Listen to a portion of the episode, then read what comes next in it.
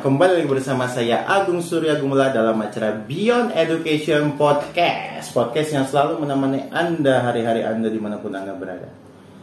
Yang sedang di rumah, yang sedang masak Atau misalnya ada ada juga yang sedang bekerja Kita selalu on air Atau kita selalu upload setiap hari YouTube dua hari sekali videonya silahkan dicek saja. Dan langsung saja kalau misalnya teman-teman merasa bahwa podcast ini sangat bermanfaat di subscribe dan juga disebarkannya. Jadi kalau misalnya teman-teman misalnya, oh dengan mendengarkan podcast ini kita meneng, apa, mendapatkan perubahan-perubahan atau misalnya mendapatkan sesuatu yang bermanfaat, silakan langsung saja di sharing-sharing pengalamannya bisa melalui link deskripsi di bawah kita sudah sediakan semuanya. Ada link untuk bertanya, ada link untuk uh, mengikuti grup Telegram dan WA juga, ada juga link untuk uh, membaca-baca artikel Beyond Education podcast. Ya langsung saja. Jadi jangan apa ya jangan merasa aduh ini materinya kena copyright nggak? Enggak jadi kalau misalnya teman-teman mau atau misalnya viewers education semuanya ingin menjelaskan kembali atau misalnya mengisi seminar dengan materi-materi kita kita tidak akan apa tidak akan mengcopyright atau misalnya melaporkan teman-teman semuanya. Karena semuanya ini kita buat untuk melayani masyarakat ya jadi, pada hari ini kita akan sesi monolog. Jadi saya akan menjelaskan beberapa isu-isu terpenting atau misalnya tujuh hal-hal yang memang di dunia parenting ini sangat-sangat sering dipertanyakan. Apalagi sekarang parenting kita mengetahui bahwa hmm, yang mau menikah, ya atau misalnya yang belum menikah, yang lagi pacaran atau misalnya yang berniat untuk berkeluarga, kadang ya, kadang ketika kita berpikir untuk menjadi atau mengapa uh, kita menikah itu persiapannya itu ya hanya sebatas persiapan pesta pernikahan hanya sebatas persiapan ya undangan-undangan hanya sebatas persiapan seperti apa ya? E, cuman hal-hal yang memang itu dikatakan tidak terlalu penting lah. Karena apa? Karena menikah itu atau bisa menjadi orang tua itu bukan hanya tentang mempersiapkan itu semua. Tetapi banyak orang yang ingin menjadi orang tua tapi tidak belajar dulu menjadi orang tua. Saya tidak bisa menyalahkan. Karena apa? Karena memang orang tua itu tidak ada sekolahnya. ada nggak sekolah menjadi orang tua? Sekolah orang tua atau misalnya sekolah yang memang khusus untuk menjadi orang tua baik nggak ada selama ini pola-pola pengasuhan, pola-pola apa pun itu, kita mendapatkan pola tersebut dari orang tua kita. Orang tua kita dapat dari orang tua kita. Orang tuanya lagi, orang tuanya orang tua tua kita dapat dari orang tuanya tua tuanya lagi. Jadi pola pengasuhan itu adalah dikatakan turun temurun dan tidak ada bakunya, tidak ada yang baiknya seperti apa. Makanya saya bingung kenapa orang yang mau jadi orang tua tapi tidak pernah belajar orang jadi orang tua itu jadinya seperti apa? Nah seperti itu ya. Makanya di sini saya akan bahas tentang hal-hal yang biasanya sering orang tua muda atau pasangan muda yang uh, sering apa? Sering dibahas atau misalnya sering ditanyakan sering juga di, menjadi permasalahan gitu kan? Kita bahas melalui referensi yang saya baca dari voy.id seperti itu ya. Jadi 7 topik parenting yang kerap bikin galau para orang tua baru. Di sini siapa yang menjadi orang tua baru ya? Nih, 7 topik ini biasanya sering dipertanyakan ya. Mari kita baca. Yang pertama adalah ini uh, sebelum jadi orang tua kan anak itu lahir ya. Lahir itu pasti memerlukan gizi-gizi. Nah, ini biasanya ada keributan juga nih masalah gizi-gizi. Masalah pemberian susu, apakah pemberian ASI atau susu formula biasanya sering menjadi peributan gitu. Maksudnya ada yang mengatakan bahwa harus ASI, ada yang mengatakan nggak apa-apa nggak ASI, yang penting uh, susu formula juga nggak jadi masalah. Ada yang mengatakan beberapa hal yang terkait tentang gizi, ada yang bertengkar sampai bertengkar tuh. Ada biasanya keluarga misalnya keluarga dari bapaknya berpendapat bahwa harus ASI, keluarga dari ibunya berpendapat bahwa gak apa-apa nggak harus asin ini kan menjadi dilema dilema ya. Dilema dilema sebagai orang tua baru yang memiliki anak. Anaknya belum jadi apa-apa udah rame. Udah kita ribut duluan. Ketika anaknya masih kecil pun kita meributkan tentang hal itu. Jadi pada dasarnya sih terkait pemberian ASI atau susu formula ini sebenarnya dikatakan bahwa oleh dokter siapa pun itu merupakan salah satu kebutuhan ya sebaiknya memang untuk kebutuhan eh, gizi bayi itu dicukupi dari mulai 0 sampai 6 bulan.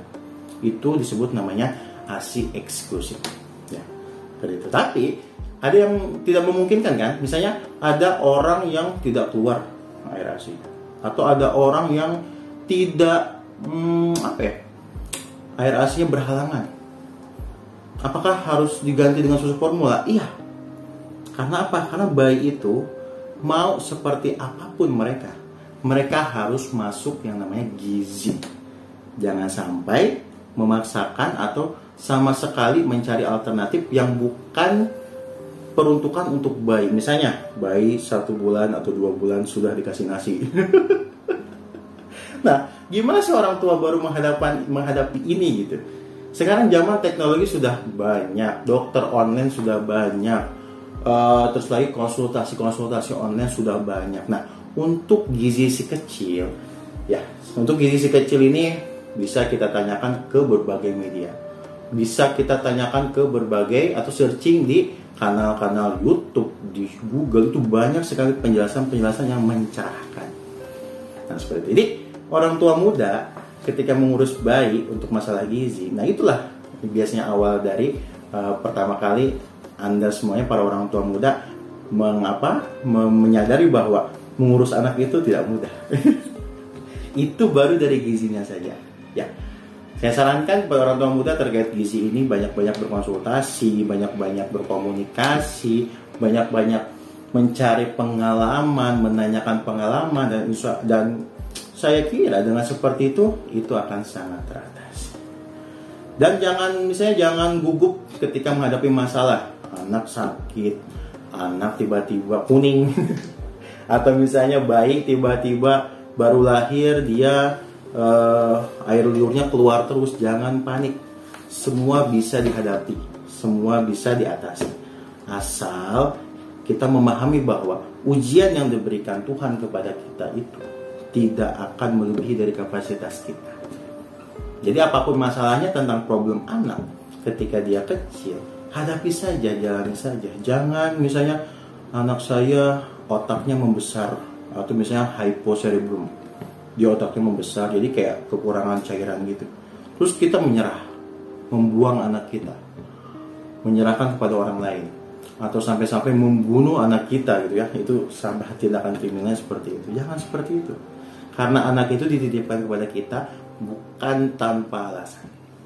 Makanya orang tua muda harus paham bagaimana cara men, apa mengatasi masalah gizi dan juga masalah masalah kesiapan untuk memiliki anak di awal-awal anak itu lahir. Banyak perdebatan di sini kadang-kadang. ada yang aduh ribet banget yang ngurus anak, kurang tidur. Ada yang sekarang-sekarang tuh yang lagi ngetren itu child free. child free itu membuat kita tetap muda gitu. Kan dari mana itu ceritanya? Dari mana itu ceritanya? Child free itu membuat kita tetap muda. Karena dengan tidak punya anak kita bisa jalan-jalan. Kita bisa tidur nyenyak kita bisa menjadi yang kita mau gitu. Nah itu sudah ada di media sosial. Ada pernyataan-pernyataan seperti itu. Tapi ada yang pro ada yang kontra seperti biasa ya. Sebuah statement pasti ada yang pro ada yang kontra. Ada yang mengatakan oh iya betul. Mending gak punya anak gitu. Daripada punya anak ribet. Biayain sekolahin dan bla bla gitu ya. Tapi ada yang mengatakan dari bagian kebanyakan sih dari bagian uh, dari segi agama kalau tidak punya anak nanti tidak punya keturunan dan lain-lain. Nah itu adalah pilihan. Tetapi sebaiknya karena kita sebagai manusia maka pilihlah yang terbaik. Hati-hati ketika menanggapi sebuah media sosial untuk orang tua atau pasangan muda.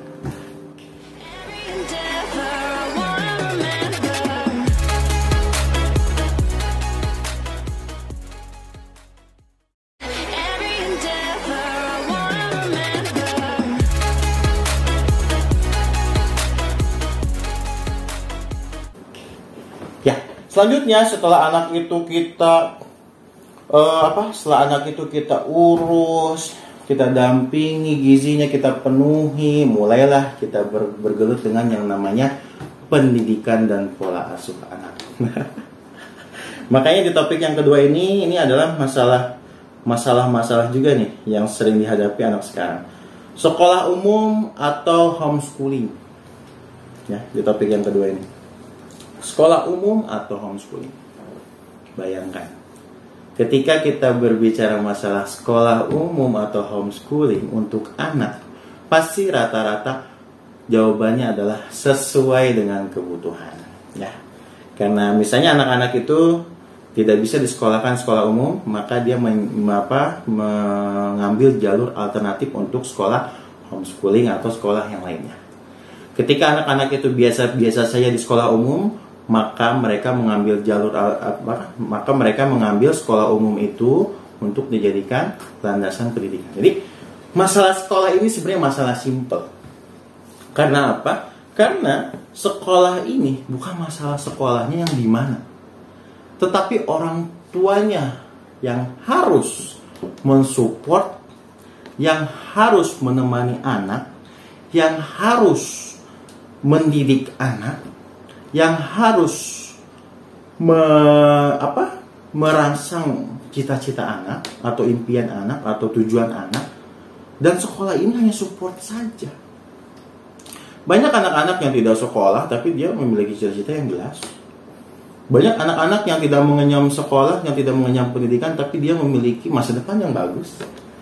Jadi, pertanyaan adalah, masih maukah Anda sebagai orang tua me, apa, menyanyiakan atau misalnya menganggap enteng terkait pendidikan di dalam keluarga? Karena apa? Karena kalau misalnya kita menyepelekan pendidikan, ah anak mas sekolahin aja udah SD negeri lah.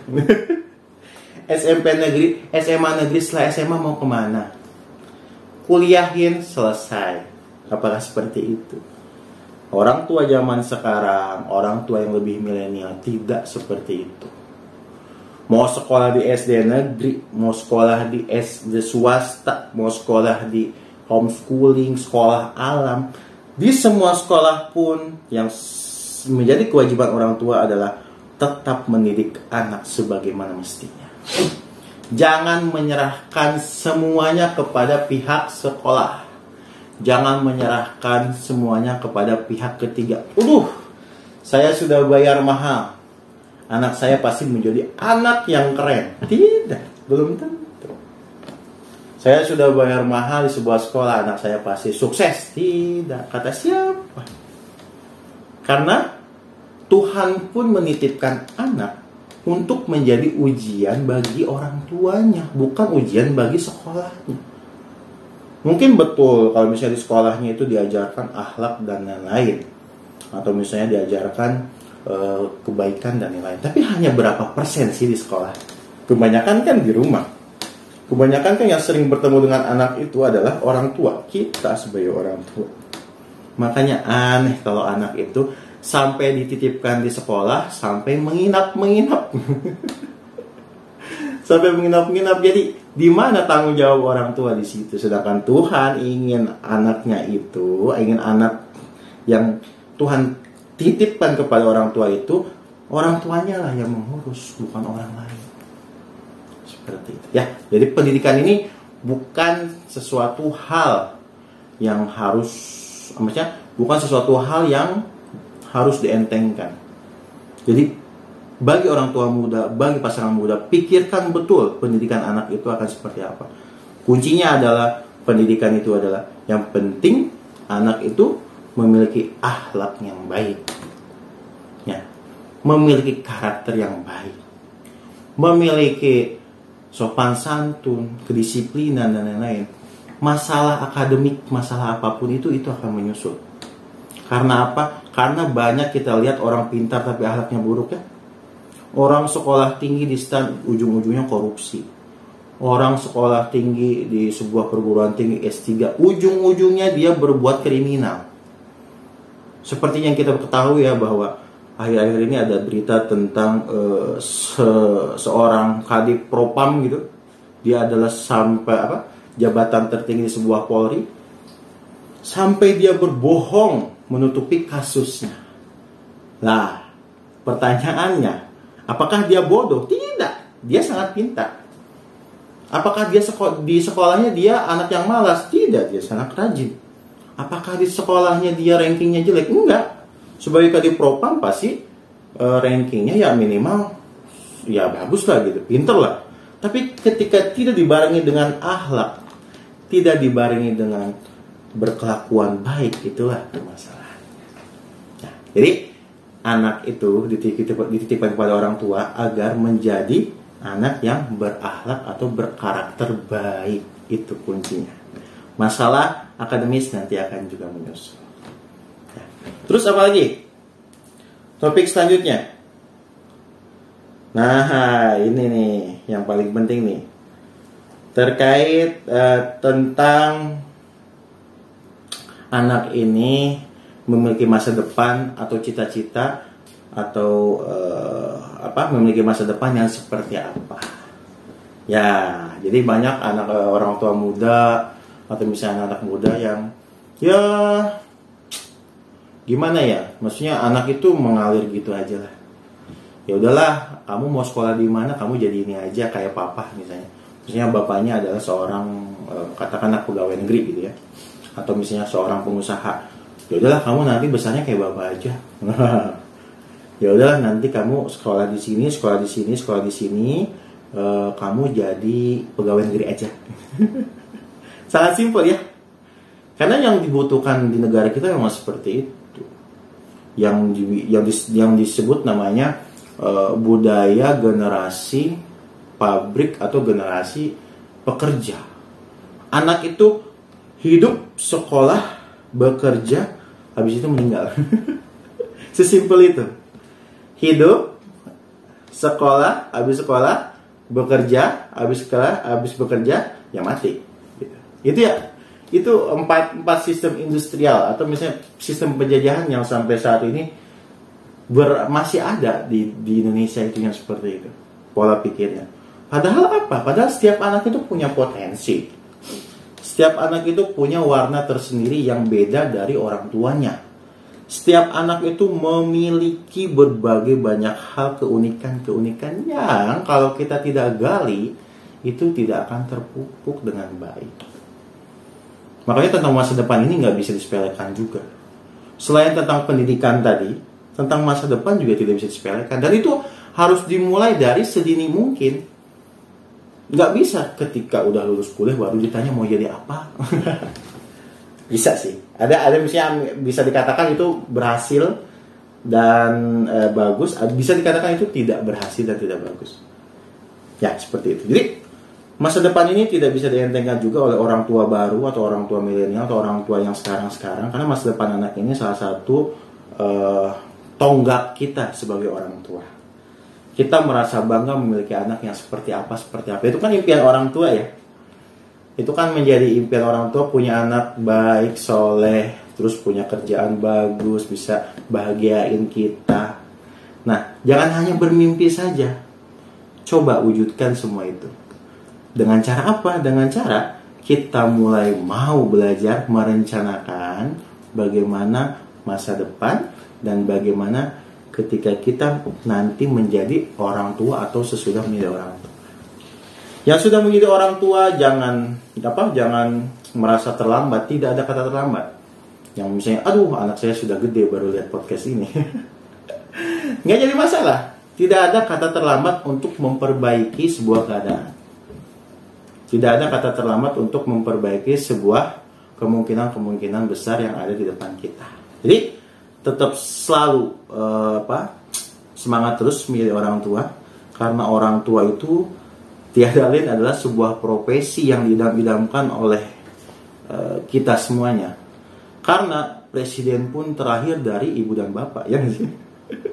Ada nggak presidennya langsung dari awan muncul gitu kan, turun ke bawah jebret? Atau misalnya dari UFO alien datang ke dunia, terus dia jadi presiden gitu? Enggak. Mau presiden mau siapa pun itu, dia terlahir dari sebuah keluarga. Nah di situlah makanya profesi yang terpenting dan yang terbaik di seluruh dunia ini adalah menurut saya menjadi orang tua. Tanpa tanpa saya tanpa saya menyindir bagi orang yang tidak bisa memiliki anak dan yang lain ya, tapi sebisa mungkinlah teman-teman memiliki sifat seperti orang tua. Ya, yang ingin selalu berkembang, yang ingin selalu belajar. Jadi orang tua itu jangan dikatakan sudah mengetahui semuanya. Gak bisa. Yang dinamakan orang tua adalah orang yang mau terus belajar. Orang yang mau terus menjadi panutan. Orang yang mau terus menjadi sosok yang baik, lebih baik lagi, lebih baik lagi disebut namanya orang tua. Seperti itu. Jadi kita introspeksi masing-masing diri, masing-masing dari diri kita, pribadi kita, apakah kita sudah menjadi orang tua yang baik atau kita masih belum menjadi orang tua yang baik. Ya, seperti itu. Baik, sampai di sini saja penjelasan dari saya. Silakan kalau mau ditanyakan, langsung saya ditanyakan. Kita sharing-sharing, kita bermain juga, atau misalnya kita uh, ngobrol juga boleh. Kalau mau ditanyakan silakan link deskripsi di bawah langsung dicek saja. Ada link-linknya di sana, silakan diklik saja. Kalau mau bertanya di Gmail. Kalau misalnya mau masuk ke grupnya di WA dan Telegram dan juga kalau misalnya mau di membaca-baca artikel, silakan di Beyond Education Podcast blogspot.com. Sampai jumpa di Beyond Education selanjutnya. Dan menit? 21 Aduh.